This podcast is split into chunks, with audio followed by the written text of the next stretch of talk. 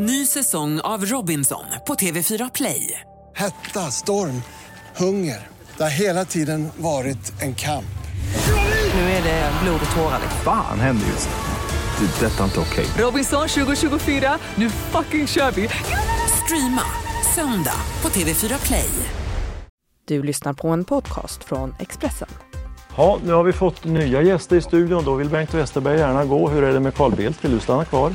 Ja, jag vet inte om vår del var avslutad.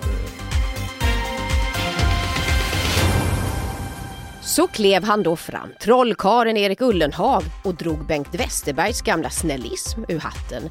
Är det vägen fram för Liberalerna? Kommer Stefan Löfven fortsätta att skydda Annika Strandhäll efter KU-prickningen? Panelen påminner om att hon inte fick bli socialminister. Detta gott folk är Politikpodden där vi maler ner de stora svepande politiska utspelen och gör dem tajta och förhoppningsvis lite mer begripliga. Idag en premiärgäst i studion, Ann-Charlotte Matteus, ledarskribent på Expressen. Kul att du är här! Tack så mycket! Och så har vi också Torbjörn Nilsson, författare och politikreporter. Hej Tobbe! Hallå, hallå! Låt mig gissa Tobbe, du ser så upprymd ut för att du kommer nästan rakt från Liberalernas första kandidatdebatt. Ja, nej men lite roligt var det ju. Det var det? Ja, det får man ju säga. Det är alltid skoj när de ska välja partiledare i partier. Nu händer det jag. åtminstone någonting. Ja, sen är det ju väldigt konstigt och speciellt den här liksom öppna processen. Jag drog mig till minnes när, när Centerpartiet hade det, alltså när Annie Lööf blev vald, det är åtta år sedan. Det har ju liksom en förmåga att, ja det är öppet, alltså man bjuder in medlemmar och vanligt folk och oss och jag vet inte. Mm. Allihopa människor som vill komma i princip. Men de säger ju ändå inte så öppna saker. Nej men alltså jag följde ju den här hemifrån då, den här första debatten som var i Stockholm. Alltså det var la värst vad de klappade varandra om ryggen och höll med. Mm. Då kan man väl lika gärna dra lott? Ja, det är skönhetstävling. Skönhetstävling ja. Mhm. Vem, var- vem vann den skönhetstävlingen då? Tyckte du den första? Ingen, faktiskt. Hörni, vi har ju väntat. du tycker att de ska köra den här nya, helt revolutionerande idén att inte ha någon partiledare alls? Inte som Miljöpartiet två språkare utan bara ledarlöst. Man Som kan inte Socialdemokraterna första tio åren. Kan det sin- gå, skulle det kunna gå värre egentligen? Varför inte testa? Alla tre. Eller alla tre. Hörni, vi ska i alla fall låta, vi har ju väntat på att Erik Ullenhag, det har pratats mycket om Erik Ullenhag eh, och det var ju ändå lite kul att få, få höra honom när han kanske eventuellt eller inte gick ut stenhårt i den här fighten. Tycker du då, eh, är du beredd att sätta dig i en regering som blir beroende av ett stöd från SD? Du kan ställa den frågan tio gånger, jag kommer inte svara på den. Mitt svar handlar om att nu fokuserar vi på politiken, så funderar vi på inför nästa val, i lugn och ro i partiet, utvärdera det samarbete vi nu har, fundera på hur får vi mest igenom en politik som vi tror på, som gör Sverige bäst. Jag vill se till att Liberalerna är ett parti som gör Sverige snällare. Ja, Ann-Charlotte Matteus så skruvar på sig här. Det här var ju alltså Erik Ullenhag från SVTs eh, agenda där han ett inte ville svara på ett eventuellt eh, framtida stöd av SD och he wants to make Sweden snällt again. Men det var väl jättefint, Ann-Charlotte? Eh, ja, det är ett sånt lågvattensmärke alltså att prata om politik i termer av snällhet. Och en utav snällheterna det skulle vara att, eh, en skola där alla lyckas. Mm. Så nu lyckas inte alla elever och det beror på att politiker är elaka. Är det så samhället fungerar? Nej, det gör det naturligtvis inte. Utan politik handlar ju om målkonflikter, svåra målkonflikter och han låtsas som att det inte finns. Mm. Eh, och ja, jag förstår inte ens, vad, hur, vill han införa någon slags konkurrensneutralitet med Annie Lööf? För hon talar ju mycket om medmänsklighet. Så är det liksom det här hans, då ska han stå istället och prata om, om snällhet. Nej, jag, jag Torbjörn fattar Nilsson, har inte. du något svar? Nej, jag tycker det, det där är ju obegripligt för det här snällism. För det första så vet man ju inte vad det är. Historiskt eller närtidshistoriskt så var ju det liksom ett internt skällsord på det som man ville ifrån när Lars Leijonborg tog över. När man inte Men- riktigt men- vågar ta ställning. Nej men det var ju fortfarande ändå inte riktigt definierat. För att man sa snällism, men det man identifierade som det riktiga problemet, det var att man var vag. Och, och inte liksom, när man frågade väljare vad, vad tycker Folkpartiet som det hette då, så visste de inte vad Folkpartiet tyckte om någonting. Eh, så så, så det, det var liksom ett annat problem man egentligen identifierade och försökte göra något åt. Men så sa man att det var hemskt det här med snällism. Liksom. Och jag kan jag håller, jag håller med alltså det är ju, Politiskt så är det ju svårbegripligt att förstå vad det ens är. Och det är kanske poängen. I en sån här process, i ett sånt här primärval, så blir ju väldigt mycket av att så här, all, det som från början ser ut att vara tre väldigt olika kandidater och som i den där utfrågningen när de liksom de var tre olika kandidater personmässigt väldigt mycket. Men innehållsmässigt så trycker de ju varandra ihop till en stor liksom boll i, i mitten där alla tycker likadant eller försöker låta ja. som att de tycker ja. li, lite likadant. Och man kan ju få intrycket att det är världens mest eniga parti, när det egentligen är världens mest splittrade parti. Ja. Men det vägval som de på något sätt måste göra, det skjuter de ju bara framför sig. Och vilket mandat får de om det ska vara så här utsmetat? Ja men går det, jag, jag tänker på den här, den här frågan om SD då, den eviga får man ju ändå säga frågan om SD. Om, det har vi ändå lärt oss så långt, om man duckar den frågan, mm. då får man ju hålla på och svara på den ja, nej, evig, eviga tider. Och han var ju för rolig i Agenda-intervjun, Ullenhag, när han först ville inte tala om eh, regeringsbildningskaoset, för då var han inte där och han ville se framåt. Ja, men om vi blickar framåt sa programledaren då. Nej, men det är tre år till nästa val, så det kan vi inte prata om. Så han vill inte prata om det förflutna och inte om framtiden. Så han, han duckar ju allt. Men är det för att han ska hålla alla dörrar öppna då? Ja, men det är ju vad han säger, att det kommer vara, kunna vara så annorlunda om tre år, så, så det är dumt att liksom låsa sig. Och det väl ligger ju det någon sanning i det. Ja, Men det är ju också det här att uppenbarligen för att få ett, ett riktigt stöd i partiet så behöver man säga, så gör han bedömningen att man behöver säga som han säger. Och det, alltså jag tror man, det är så här, i den där typen av processer, jag jämför återigen med, med Centerpartiet, så man får gå på sina fördomar. Man, får, man, man ska inte gå på vad de säger, man ska gå på sina fördomar och vad man har för liksom bild av Nyamko Sabuni, Johan Persson och Erik mm. Ullenhag från början. Ja, för nu blir för de det blir mer sant mm. än vad de säger i just den här processen. Fördomar ger mer i sådana här processer, eller fördomar, tidigare kunskap än vad de säger i just den här processen ja. tror jag. Ja. Det var ju 86 liberaler då som gick ut och, och skrev en debattartikel om Låt Ullenhag ta över. Då kontrade Nyamko Sabuni team Sabuni med 28 mm. röster. Då undrar jag med tanke på partiets storlek idag, hur många finns det kvar till Johan Persson? 12? 12! 12! Det är några i Örebro. Det är några i Örebro. Men du skrev på Twitter Torbjörn, vad får förresten Johan Persson i betalning för att splittra Nyamko Sabunis röstunderlag? Ja, eller om man splittrar Erik Ullenhags. Det, det kom fram som, som en det annan teori. Just det, hur tänker du då? Eller hur tänker den som kommenterade? Ja, den tänker helt enkelt att, att det är att eh, Johan Persson kan ta Erik Ullenhag röster. Eh, och det, ingen har ju sagt om de ska så att säga lämna partiet om de, eller Nej. politiken om de, om de inte får något. Så det, är mycket, det kan ju mycket väl vara liksom ett framtida presidium som sitter där uppe och snackar ihop sig inför öppen mm. ridå. Så, så kan det ju sluta också. Samtidigt damp ju SCBs e stora partisympatiundersökning ner här, eh, som är den första mätningen efter januariavtalet, eller överenskommelsen. Och där hamnar L under spärren mm. på 3,7 procent. Skulle alltså åka ur riksdagen om det vore val idag. Mm. Det så, vore kanske bra. Tror, ja, men jag tänkte det, vad har L för existensberättigande idag i svensk politik? Det är en väldigt bra fråga och den har inte blivit klarare utav eh, deras programförklaringar nu, de här kandidaterna. Det är ingenting som inte eh, Jan Björklund hade kunnat säga eller har sagt tusen gånger. Men det har väl att göra med att de slipar av kanterna och sådär för att de vill vara valbara. Men för, för offentlighet, eh, för vanliga väljare och medborgare så är det inte särskilt klart varför, var, varför vill de leda partiet? Alltså, jag har inget emot något särskilt parti sådär. Eh, men man kan ju konstatera att det, det, det, är många partier i ett system som är byggt för betydligt färre partier. Rent ja. liksom hur alla regler kring riksdagen är uppbyggda och praxis och sådär. Eh, så på det, av den anledningen vore det inte alls skadligt om, om eh, ett eller två partier försvann ur riksdagen. Vilket är det andra då? Ja, det kan vara vilket som helst för min del. Det, det har jag ingen uppfattning om. Eh, KD tycker jag Ja, är det- bra kandidat. Det då, ser, då ligger du inte så rätt till här men när man ser de Nej, det går inte min väg alla gånger. Men man får ju också konstatera, eller liksom, ja, med viss skämtsamhet, alltså det här är ett otroligt splittrat parti, Liberalerna. Och det är egentligen splittrat på ett sätt som är att hälften kan gå till Moderaterna eh, och hälften kan gå till Centerpartiet och de skulle vara ytterst lyckliga i den miljön, sakpolitiskt.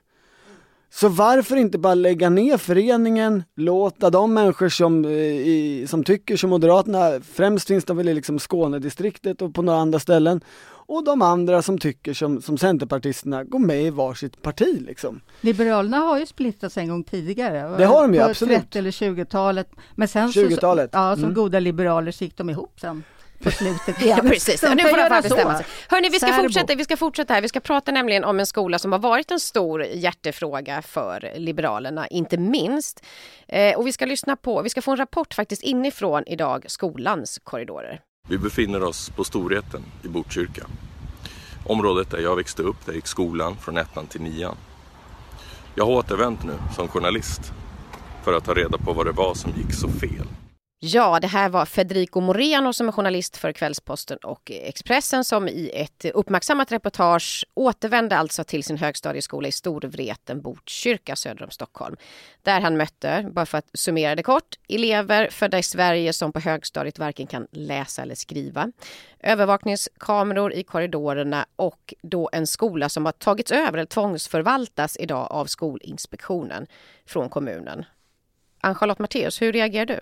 Eh, det här med tvångsförvaltning är ju en bra idé. Hur det utfaller, hur man kan ändra på det här på, på åtta månader är svårt att förstå.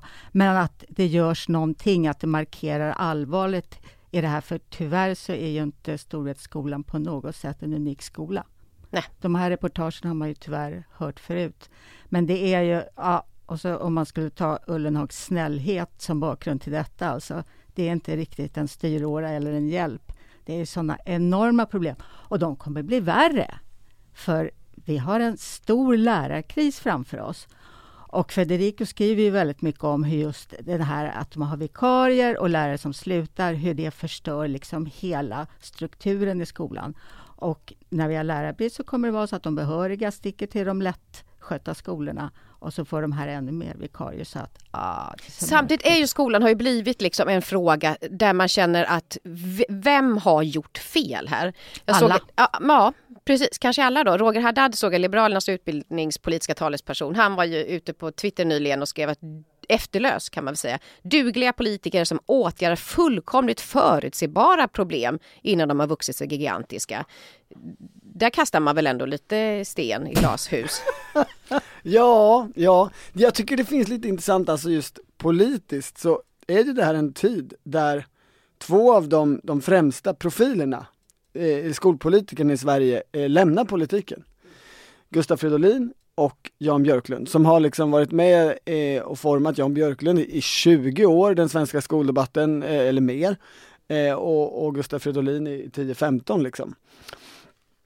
Eh, och det blir ju ett tomrum som, som ska bli intressant att se vad som händer med. Med liksom Miljöpartiet och Gustaf Fridolins lämnande så är det, var det, är det otroligt tydligt när man pratade med miljöpartister där under vintern och våren. Att så här, de har ju försökt göra skolfrågan till liksom sin andra eller fråga och den kommer ju ingen i partiet Nej. bry sig om nu. Nej. Full, alltså den har liksom inte gett dem någonting, är slutsatsen. Den har bara varit till liksom besvär Mm. för partiet. Eh, och i Liberalerna kan man ju inte höra precis likadant, men lite. Och det kändes ju som att det var anledningen till att, alltså, till att Erik Ullenhag i, i, på den här utfrågningen igår, han hade en sentens där liksom han menade att vi kan ju inte lämna skolpolitiken nu, tvärtom. Och så jämförde han med liksom Bengt Westerberg och, och det det liksom socialpolitiska eh, arvet som fanns efter honom som, som partiet liksom övergav och sen fem år, fem, tio år senare så undrar man för, varför alla tyckte att partiet var så, var så empatilöst. Och det var ju för att man inte hade hållit i i det som eh, Bengt Westerberg startat, det hade liksom försvunnit när partiledaren slutade.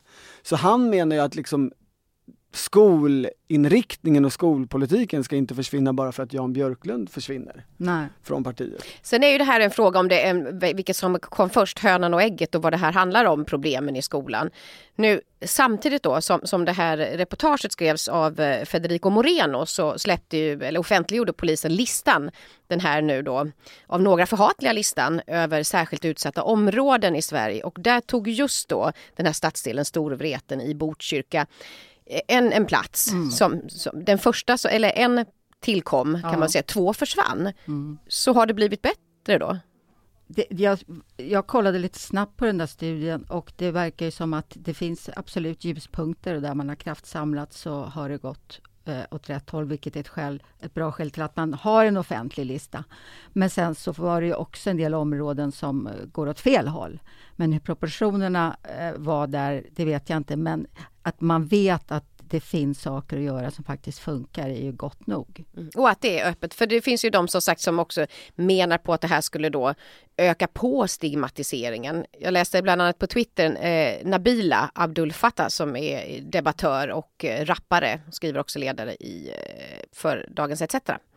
Hon skrev citat. Polisen kan ta sin lista över särskilt utsatta områden och köra upp i sitt särskilt utsatta område. Ah, välfunnet. Nej men alltså det är klart att det, att det blir stigmatisering. Å andra sidan är det här verkligheten. Å tredje sidan så tror jag att eh, den svenska debatten skulle handla den vill handla så lite som möjligt om sådana här problem. Det här, är ett, det här gör att det inte kan ignoreras. Helst skulle man ju inte vilja prata om det alls utan bara låtsas bort det och det vinner ju inte områdena på. Nej. Men vem kommer haka på fria skolvalet då? Ja, är det någon som verkligen vill ha fritt skolval idag? Alltså av politikerna, alltså om, om det inte hade funnits, var, var, var det någon som hade drivit det? Jag undrar det, alltså det är ju inte som att det är den reform som har de mest entusiastiska försvararna eh, längre.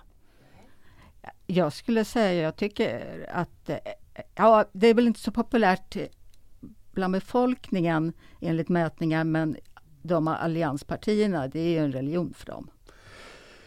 Ja, men är det, jag, jag, jag, tycker man kan höra även, i, i grunden så är det ju det, men jag tycker man kan höra även liksom självkritik på det sättet är, i, i de partierna nu, eller en insikt om att ska vi behålla den här eh, ädelstenen så måste vi liksom försvara, göra massa andra saker för att försvara ja, den. Ja. Eh, att det, det håller inte som det är nu. Och det, det, är ju lite likadant med det, alltså att två av de verkliga tunga skolpolitikerna försvinner. Man ska också komma ihåg att de har ju alltså företrätt partier som har varit ungefär 5 storlek. Okej, okay, mm. sex om jag ska vara snäll mot dem. Det är också en väldigt specifik, speciell situation att ett väldigt stort politikområde definieras av två stycken småpartier. Eh, det, det, här är verkligen inte det så här, okej okay, vi har ett samhällsproblem, de tre, två, tre stora partierna sätter sig ner och gör upp om det och eh, liksom slår fast någonting som håller över tid. Eh, det kan man ju fundera lite på. Det får vi fundera vidare på. Vi ska, vi ska vidare också i den här podcasten och eh, till eh, detta nämligen Annika Strandhäll som vi vet klarade misstroendeomröstningen i riksdagen eh, och nu var det då dags för socialförsäkringsministern att få KUs utlåtande och det kom att låta så här. Det mest medialt uppmärksammade granskningsärendet i år är G8, förflyttningen av Försäkringskassans generaldirektör. Och för de brister som utskottet har funnit här så bär statsrådet Annika Strandhäll ansvaret. Skarp kritik alltså från KU. Eh, det här från Karin Enström, som eh, Moderaternas kvinna som fick framföra det här. Och vad händer nu då? De landar ju alltid så mjukt efter det här. Spelar det någon roll om det blir en prick eller inte, Torbjörn? Ja, spelar roll gör det ju alltid. Eh, eftersom det finns liksom, det går ju för oppositionen då att fortsätta prata om och använda. Men det är ju inte digitalt. Det är ju liksom det är ju inte att du blir av med körkortet. Nej men blir hon av med jobbet? Finns det någon sån Nej, risk dels alls? så i och med att, eh, att eh, Löfven har hållit henne om ryggen så enormt och liksom kritik har nästan sett som illegitim så sitter väl hon säkert ur hans synvinkel sett. Och dessutom så så har han blivit prickad själv och när Ygeman blev prickad så blev han sedan upplyft väldigt snabbt då som gruppledare. En prick man ska ha helt enkelt. En prick på näsan är inte Nej men var, varför har, jag, jag sa just det, vad är det som gör att Stefan, Stefan Löfven då skyddade Annika Strandhäll så, så tydligt som han gjorde inför omröstningen? Men då sa du Ann-Charlotte, nej men jag vet inte, är hon så populär hos Löfven? Hon fick ju inte bli socialminister. Nej precis, så att, eh, och det undrade man ju då när den här affären briserade, att eh, var det därför hon inte blev socialminister? För att de kände att det var någonting. Men eh, om hon hade gjort ett bra intryck innan hela den här eh, balunsen satte igång, då hade jag sett på henne annorlunda, men hon är ju inte hon har inte givit några styrkebesked Men jag känner, heller. fyller hon inte en funktion? Jag tänker på det, eh, eh, om, man ser, om man ser till kvinn, kvinnliga förebilder, unga kvinnor. Man har ju lite skjutit fram henne tidigare, åtminstone i jämställdhetsfrågor. Och hon har pratat om sin utbrändhet, hon har pratat om att vara frånskild ensamstående mamma. Det är ju väldigt skralt på den fronten hos Socialdemokraterna. Nej, men hon är ju en stark karaktär och en, en person som har fungerat rätt bra i den här samtiden. Alltså där, där, man, där man vill ha ärlighet. Personer som säger vad de tycker från magen utan att tänka för mycket, utan att lägga till rätta för mycket. Alltså hon är, hon är rätt lik Sara Skyttedal till exempel, mm -hmm. tycker jag. Eh, som liksom person, eh, hur hon bedriver politik, hur hon pratar och, och sådär. Eh, samtidigt så är det ju liksom också uppenbart att hon har blivit degraderad. Eh, men jag tror ändå inte det innebär att, att hon inte är viktig för, för Socialdemokraterna och för, för regeringen och Stefan Löfven. Jag tror också att man ska inte kom, komma ihåg att det här är ju första eh, misstroendeförklaringsärendet i det nya parlamentariska läget. Mm. Så det, det, kan väl ligga något i det också att, att liksom Stefan Löfven nästan lika skarpt som med Peter Hultqvist under förra mandatperioden markerar att eh, vi, vi går till hit men inte längre, ni rör inte den här personen, ni rör inte mm. regeringen, ni beter inte på det här sättet. Nu ska vi pröva det nya underlaget. Och det lyckades han ju med. Mm. Eller så att säga vann om man menar med att vinsten är att hon är kvar. Och det ska han ju också då tacka Annie Lööf och hennes kamrater för ju, som ju räddade, ja. räddade Annika Strandhäll får man ju säga i eh, Och Annie Lööf har ju också blivit prickad. Ja minsann, ja. påminn oss om detta Charlotte eh, Det var när hon var näringsminister så hade de haft eh, något parti på näringsdepartementet och lät skattebetalarna betala det. Men det borde ha varit Centerpartiet. Mm. Och eh, sen så ansökte Aftonbladet om att få ut kvittorna och då, flytt, då insåg de problemet och så flyttade de över mm. kostnaderna till Centerpartiet. Men sen sa Annie Lööf att nej, det här felet hade vi sett innan Aftonbladet uppmärksammade någonting i den vägen. Så hon blev, jag tror hon blev prickad för att hon hade sagt felaktigheter i mm. KU. Eh, eh, eh, hur som helst så föranledde ju då Centerpartisternas stöd såklart upprörda toner från högerflajen, liksom mm. då efter regeringssamarbetet eller det här avtalet i januari. Hon kommer att få betala ett högt politiskt pris, sa Moderaterna då när hon satte sig och stödregera med Stefan Löfven. Men som du konstaterade i en text nyligen här Torbjörn, väljarna skickade ingen faktura. Mm. Nej, det har de inte gjort hittills i alla fall. Det, kan, det, det kanske var för tidigt att säga, men om man tittar bakåt så har ju Moderaterna under väldigt lång tid, ett par års, tre, fyra års tid, gått och väntat på det här att de där arga högerväljarna ska liksom drabba Centerpartiet också. De drabbar bara oss moderater för liksom decemberöverenskommelse, för, ja, för allt, allt elände. Och då har man liksom någonstans tänkt att så här, om vi till slut säger att vi har ändrat oss och förflyttat oss, då kommer vreden riktas ner mot Annie Lööf som inte har sagt att hon har ändrat sig. Men det har ju liksom varit en felkalkylering hela tiden. Mm. Och det var ju en del av felkalkyleringen i höstas eh, och även nu. Ja, vi såg det i e-valet bland annat. Ja, Centerpartiet har helt andra väljare och, och partiet går alltså, även om det inte går att jämföra EU-val och inrikespolitik fullt ut, men första valet efter det här då liksom stora brottet mot alliansen att, att eh, backa den socialdemokratiska regeringen, ja då går de framåt. De går framåt mycket. Det stämmer ju inte alls med liksom teorierna om att borgerliga väljare kommer straffa Centerpartiet och de kommer liksom krympa ner till 2-3 procent, procent till slut liksom och försvinna all världens väg. Matteus, varför växer Annie Lööf i Stefan Löfvens sällskap? Alltså, välja, Centerns väljare för mig är ett mysterium. Jag kan inte se dem framför mig. Och jag blev extra förvirrad när jag läste din utmärkta krönika om detta. Där du skrev att i EU-valet så uppgav de som hade röstat på Centern att deras viktigaste frågor var jämställdhet, eh, skola på andra plats och miljö. Jämställdhet förstår man ju för hon är så lite knytblusig och sådär och står upp för kvinnor.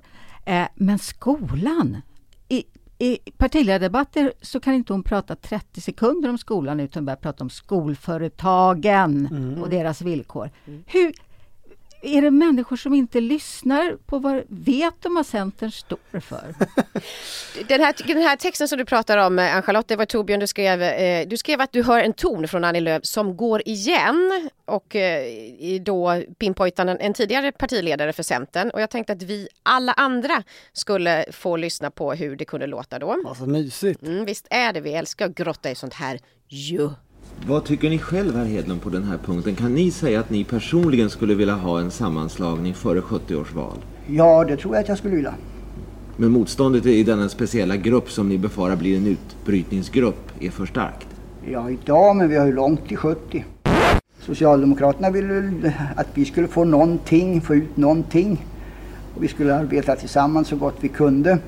Och Eh, vi befann oss väl någonstans i mitten medan högern befinner sig på ena ytterkanten. Det är mycket svårt att tillgodose önskemål från ett parti på ena ytterkanten men det var lättare att tillgodose våra önskemål eh, eftersom vi ligger någonstans i mitten och, och inte så långt ifrån Socialdemokraterna. Nej, det är inte så långt ifrån. Visst är det nästan läskigt. Det här är Gunnar Hedlund, mm. partiledare för det goda bondeförbundet, eh, Centerpartiet 4971. Precis, det han pratar om först är att han ska slå ihop Centerpartiet med, med Folkpartiet, ja. Liberalerna. Precis. Mm. Det var ju väldigt nära. Det var men, väldigt nära förstår man inte minst några, från den här. På några sura centerpartister, mm. även om några sura folkpartister hade dragit också. Det kunde varit bra för Folkpartiet idag, Liberalerna kanske? Nej men det, det, det, det, är just den tidsepoken som jag är inne i där det är, alltså Centerpartiet var ju som störst i valet 1973. Och sen så vann de regeringsmakten 76, men då hade de redan börjat krympa och så krympte de och krympte de. Men under de här åren på 60-talet när man så att säga bytte block, från att ha samarbetat med Socialdemokraterna så liksom gick man långsamt i ett mittensamarbete då till att bli, liksom, vara del av en trepartiborgerlighet. Det var ju den epoken där som byggde partiets storhet till 70-talet. Och frågan är så att säga, håller något motsvarande på att ske nu? Nu byter man också, eh, man lämnar en tidigare stark eh, liksom, koalition och allians med andra partier, precis som man lämnade Socialdemokraterna då och liksom är lite i limbo men kanske liksom mer och mer rör sig åt det hållet. Och för ska betala sig på får, samma sätt? Det är lite frågan. För att man får ut mer eh, av sin egen politik. Fast alltså, är det så enkelt? Det gick ju inte så bra i SCB e nu. Så att eh, jag vet inte, för att för, samtidigt kan ju hon har lite försvunnit tycker jag under under, efter den nya regeringen tillsattes. Så att jag är inte så säker på att det här är en vinstlott. Även om det borde ju vara det i och med att januari eh, avtalet verkar vara spökskrivet av henne i ganska hög utsträckning. Men å andra sidan, som sagt, vet jag inte vad de har för väljare. Nej, men vad har hon i Nej, men, sikte då, denna ja, alltså, Vad är taktiken grund, på sikt? Ja, det undrar man. Men i grundteorin så, så är ju, liksom enligt gammal kunskap så har hon ju så att säga sålt sitt väljarkapital och fått massa politik och väljarkapitalet ska sjunka. Det logiska vore om det här partiet liksom förlorade tre procentenheter under den här mandatperioden på det här januariavtalet eller sådär. Det, det skulle liksom vara logiskt men eh, några tendenser finns ju till att det inte kommer ske. Mm. Och det var väl den liksom, tanken jag försökte pröva i den där texten. Sen tänker jag, jag håller med dig om att, att hon är ju inte alls så synlig som hon var för liksom två år sedan. Eh, det handlar väl lite om, om mediers intresse och sådär. Men jag kan tänka mig att här under mandatperioden, alltså, det ska ju vara en höstbudget här i höst Mm. och, och det kommer nog bli ganska många bråk och, och mycket visualitet så att säga kring 73-punktsprogrammet och eh, strider om, eh, har det verkligen genomförts eller inte och vi tänker inte och nu får du fixa till det här Stefan och sådär. Så vad, vad lurar hon på i vassen, Annie Lööf? Jag tror att hon vill bli statsminister eh, och att hon kanske ville ha, eh, ha det här mittenfältet för sig och sen göra en strid med SD och fortsätta det här värderingsvals eh, dramaturgin. Så det, Ja, alltså jag upplever att de försöker starta ett tredje eller fjärde eller vad man nu, femte block liksom. Mm. De, vill, de vill skapa ett eget, ett eget utrymme där liksom andra kan så småningom ansluta sig kanske. Mm. Kära panelen, gud vad det går fort detta. Vi ska avsluta med tre snabba idag. Eh, så här får man bara svara ja eller nej eller hot or not eller hur vi nu formulerar det. Rökförbud på uteserveringar snart en verkligen. Hot or not, eh, Ann-Charlotte Matteus? Not. Not. Torbjörn Nilsson? Ja, är inte det lite gammalt? Gammalt, det, det kommer ju snart. Första juli. Ja, ja, ja, men, ja. Du, du tycker det borde införts för länge sedan? Nej men vad är, vad är det kvar, liksom, vad är det kvar att förbu- Sista utposten. För, förbjuda? De är, ja. Ja. Förbud, förbud, förbud. Fredrik Reinfeldt som EU-kommissionär. Not. Nej det kommer väl inte ske. Nej, det blir väl, borde väl bli någon S-ledet va? Ann Linde? Inte orimligt, nej. Nej. Till sist får Greta Thunberg Nobels fredspris. Förhoppningsvis inte. Stackars unga flicka. Torbjörn? Det vore ju underhållande. Det vore ja. det. Ja, så jag, på det, på det, journalistiskt underhållande så jag svarar ja. Så kan vi fylla en podcast till så småningom. Hörni, stort tack Torbjörn Nilsson och Ann-Charlotte Matteus för att ni gästade här i vår sprillans nya studio idag. Och sol och värme till alla er som lyssnade. Vi hörs igen nästa vecka. Tjing tjong! Du har lyssnat på en podcast från Expressen. Ansvarig utgivare är Thomas Mattsson. Ett poddtips från Podplay. I podden Något Kaiko garanterar östgötarna Brutti och jag, Davva, dig en stor dos skratt. Där följer jag pladask för köttätandet igen. Man är lite som en jävla vampyr. Man har fått lite blodsmak och då måste man ha mer. Udda spaningar, fängslande anekdoter och en och annan arg rant. Jag måste ha mitt kaffe på morgonen för annars är jag ingen trevlig människa. Då är du ingen trevlig människa, punkt. Något Kaiko, hör du på Podplay. Därför arkadeinerna.